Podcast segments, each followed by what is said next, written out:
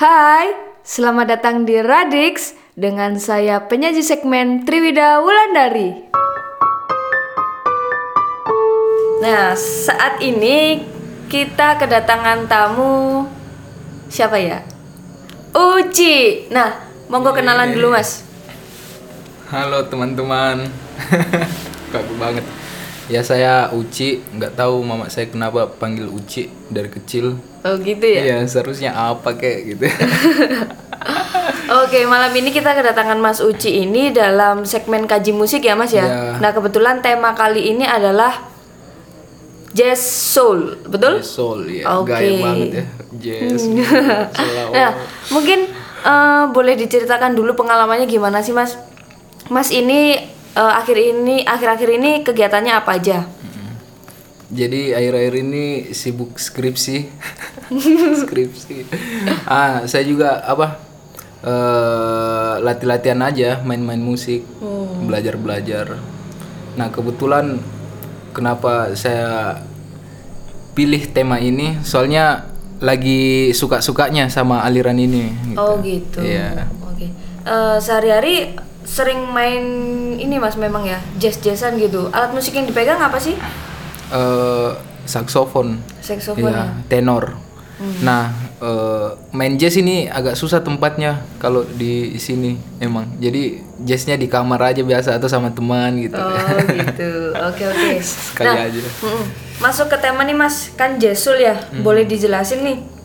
Jazzul itu sebenarnya apa sih? Karena saya sendiri juga mungkin jarang-jarang dengar aliran jazzul ini. Monggo dijelasin. Jadi jazz soul itu eh sebenarnya lebih ke soulnya sih. Jadi soul itu lahir di sebenarnya gereja. Jadi musik yang bagaimana caranya mereka menyampaikan betul-betul kena jiwa soul gitu. Jadi mereka bermusik menyampaikan sesuatu dari hati ke hati. Wah, gaya banget. Kayak musik Soul, rohani iya. gitu nggak sih? Ah, ah, musik roh- musik rohani Awalnya gitu, apa sampai awalnya sekarang gitu. gitu? awalnya gitu awalnya nah eh, berjalan waktu banyak pelaku pelaku musik musik eh, gereja di Amerika itu merasa musik ini sebenarnya kenapa harus dibatasi dengan di gereja gitu kenapa kita tidak angkat keluar nah jadi beberapa musisi gereja akhirnya menjadikan apa main main musik di luar gereja bikin karya e, berlandaskan soul tapi kalimat-kalimatnya terus e, e, feel-nya coba diganti tidak hanya tertutup sama agama. Oh gitu. Mm-mm, Jadi beberapa- liriknya liriknya gitu ya, diubah. dalam misalnya cinta ke kehidupan atau puitis lebih puitis puitis gitu nah tapi masa awal-awal itu soul itu dia eh, keluar di masa rhythm and blues R&B biasa disingkat. Nah ada juga ma- eh, genre pop waktu itu genrenya funk. Makanya soul awal-awal keluar itu biar biar mudah menyentuh masyarakat ya digabung-gabung dikit sama funk Oh gitu. sama R&B Karena dulu eh, lagi booming musik itu jadi digabungkan biar iya cepet biar gitu biar ya. cepet orang orang interest Orang gitu paham gitu ya. karena semangat zamannya ceritanya waktu itu kan funk tak. Oke oke oke. Nah kan awalnya tadi musik rohani mas ya. Mm-mm. Nah kalau sampai saat ini eh perkembangannya berarti kan sudah mulai bergeser ya Ini dari lirik maupun mungkin apa spiritnya atau gimana. Nah kalau dari di Indonesia sendiri menurut Mas Uci ini gimana perkembangannya soul itu? sebenarnya kita juga harus selesaikan di ranah agama soalnya soul kan identik dengan musik gereja atau sekarang gospel namanya terkenalnya Musik gospel. iya musik gospel nah kalau kita lihat Indonesia Indonesia kan mayoritasnya itu muslim Oke. Terus yang yang kuatnya lagi adalah empat imam besar Islam ini itu melarang musik Oke. atas dasar eh, Muhammad pernah Nabi kita beliau Nabi Muhammad SAW pernah eh, menyatakan bahwa menyatakan nggak tahu katanya yang jelas bentuknya dia eh, tolong jauhi musik.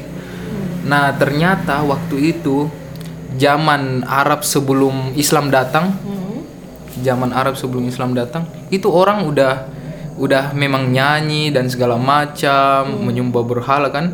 Makanya pas Muhammad itu datang ini apa eh, bawa pesan dari Tuhan dari dengan cara Islam itu para penyair itu menyampaikan eh, kritik lewat seni jadi puisi-puisi yang ditulis itu dinyanyikan Iya.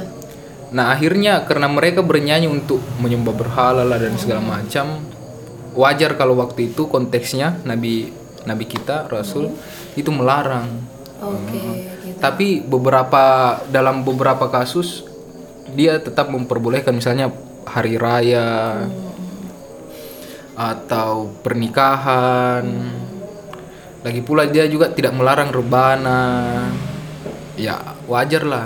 Soalnya kalau ada gitar waktu itu ya ngapain dia larang kan? Adanya rebana. Atas dasar cerita itu tadi, Mm-mm. terus di Indonesia sekarang keadaan gimana? Apakah Nah. dilarang atau memang Iya. pelan-pelan atau memang eh, di tempat-tempat tertentu aja, Iya. Mas? Nah jadi itu masa lalu banget kan, masa lalu banget. Zaman Islam juga udah terbuka akan itu sebenarnya. Zaman misalnya ada eh, zamannya setelah Khalifah Umayyah Abbasiyah itu kan musik udah berkembang pesat di di Islam kan. Akhirnya kita juga yang ceritanya belakangan merdeka ya terbuka akan semua jenis musik Oke. jenis. Jadi saya rasa pertentangan itu sudah tidak ada lagi sekarang. Jadi eh, perkembangan di Indonesia juga aman-aman aja ya, Aman-aman nggak ada aja, pelarangan aman-aman soal aja. jesul ini Iya, tadi. Jesol. Kemudian kalau di gereja-gereja sendiri, gereja-gereja di Indonesia mungkin Mas Uci tahu, apakah tetap men- menggunakan jesul atau mereka lebih terbuka sama musik lain gitu? Soul lah tetap soul. Tetap Iya, jesul ya. soul. Gospel. Tapi gereja juga kan punya beberapa macam aliran kan. Hmm. Eh, ada mereka yang anggaplah karismatik. Jadi mereka melakukan doa dalam bentuk eh, full band misalnya nyanyinya. Ada juga gereja zaman eh, zaman jenis-jenis kayak Katolik, Ortodoks itu dia hanya pengennya itu di gereja ya hanya piano. Piano dan vokal, nggak boleh terlalu meriah. Itu yang waktu itu Protestan kan diprotes. Kenapa terlalu meriah? Nah, oh gitu. Oke. Terus kalau itu kan tadi kita cerita soal di Indonesia perkembangan di Indonesia. Kalau dibandingkan dengan negara-negara lain, mungkin asalnya jesul juga dibandingkan juga gimana Iya. mas? Otomatis kita agak-agak keter eh agak ketertinggalan, agak tertinggal masalah itu kan. Soalnya mereka lahir di musiknya lahir di Amerika, orang kulit hitam yang dari Afrika kan, yang berkembang biak di sana. Eh tapi kerennya kita udah mulai ini kok. Apa? Banyak musisi yang mulai mulai melirik ke arah soul soul. Soalnya event besar aja kita kan di Indonesia jazz. Kayak misalnya Java Jazz. Itu kan ada artis lokal ada artis dari luar dan ada yang super gue starnya kan biasanya satu apa dua gitu kan nah gue star gue star ini yang biasanya akhir-akhir ini tahun-tahun ini itu dari soul Oh gitu. Oh. jadi gue big gue starnya kayak misalnya Daniel Caesar jadi soulnya udah pop ceritanya soul itu udah pop sekarang di Amerika di ini yang terdepan ngepop masalah ya? musik udah ngepop soalnya udah wah semua orang dengar Kalau di Indonesia sendiri berarti masih beberapa orang aja. beberapa orang nah misalnya ya yang paling keren ini misalnya Raisa. Kita kan tahu Raisa kan lagunya cinta-cinta Iya. ngepop gitu kan. Tapi ada satu sekarang baru baru keluar kind of crazy judulnya. Oh, kind of My My My Kind of Crazy. Itu betul-betul dia rubah musiknya. Karena di luar udah ngepop kan jadi masa dia bertahan dengan gaya-gaya lama. Jadi walaupun kau walaupun kau pop itu kalau kau tidak nge-soul itu kayak agak-agak tertinggal gitu. Oh iya. Iya. kayak misalnya indie apa gitu dikemas apa biar lebih progresif indinya Raisa udah merubah gitu ya Untuk tokoh-tokoh sendiri kalau di Indonesia siapa aja yang jesul mas? soul jazz baru-baru belakangan ini sih yang yang angkatan-angkatannya Raisa soalnya baru kan Oke. nah soul itu dibentuk karena salah satunya perkembangan teknologi Hmm. jadi eh, kalau misalnya kita produksi musik mixingnya udah beda soul dan mixing itu bisa jadi keren banget gara-gara dibantu itu tadi. Dibantu teknologi. oke misalnya sekarang kan eh, lagi maraknya juga jazz di Indonesia. Banyak kota besar mengadakan event jazz. Nah soul ini akhirnya kawin dengan berbagai macam genre gitu. Mau country mau apa segala macam. Dan salah satunya kawin dengan jazz nah akhirnya misalnya eh, kita mau main jazz nih kan kita harus punya feel untuk bisa nge-swing jadi soul itu dibentuk dari misalnya bunyi-bunyi bunyi-bunyian bunyi-bunyian eh, keyboard yang udah udah diberi bumbu banyak efek gitu. Lebih lebar dan segala macam. Sementara feel jazznya itu didapat dari drum sama pembentukan chord. Oh. Nah, dr- drumnya kalau kita misalnya di aku awam sebenarnya kan, tapi nggak apa-apa kan. Kita ini sharing. Jadi kalau di DAW itu kita bikin drum, ada ada cara gimana buat drum itu nge-swing dengan tempo 4/4 misalnya. Jadi drumnya akhirnya trap beat istilahnya, patah, nggak sesuai tempo. Cik, Oh, gitu. kecak cik kecak cik kayak- kayak gitu jadi kita dibantu banget sama alat berbagai macam alat yang mempermudah berbagai macam efek dan itu dimanfaatkan oleh soul dan jazz untuk combine jadi soul jazz sekarang bentuknya adalah neo neo soul namanya Neo soul. Oke, oke. Neo Karena udah soul. berkembang gitu iya. ya.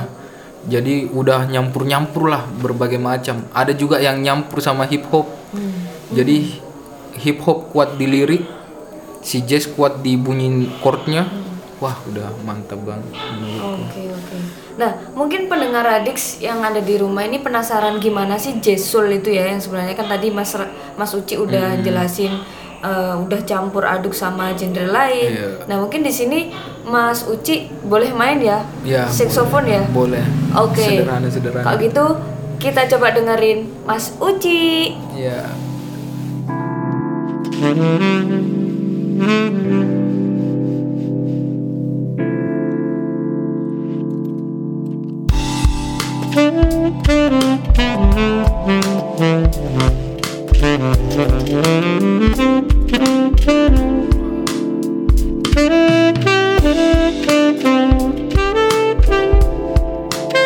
Ya.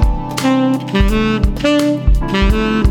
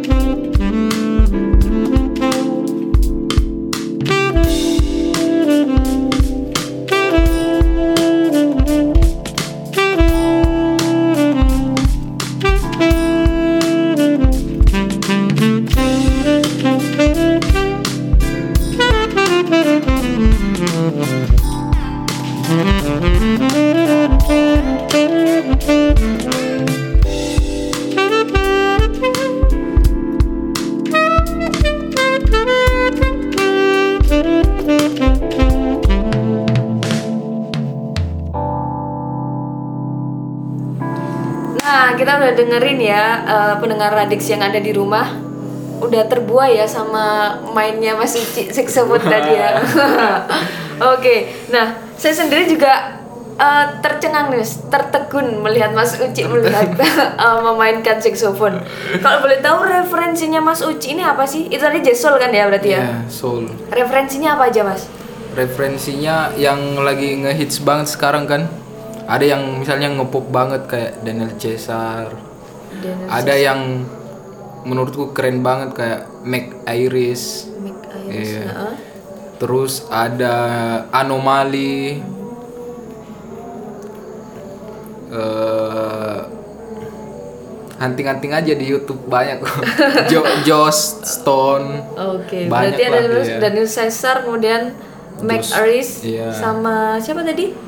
Joss Stone. Juston itu ya. Nah mungkin pendengar Anomali. adik yang penasaran juga boleh search search di YouTube atau di Google ya.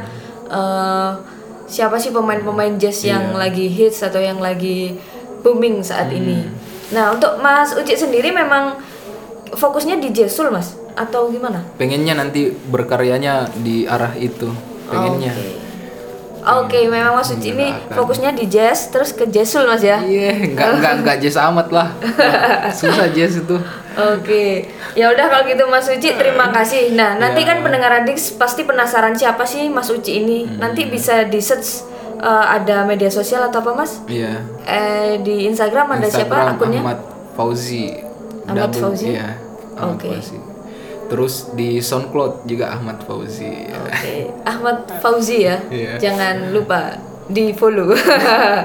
Oke, terima kasih. Eh, sekian dari segmen Radix kali ini kaji musik. Saya Triuda dari sebagai penyaji segmen pamit undur diri. Dadah. Dadah.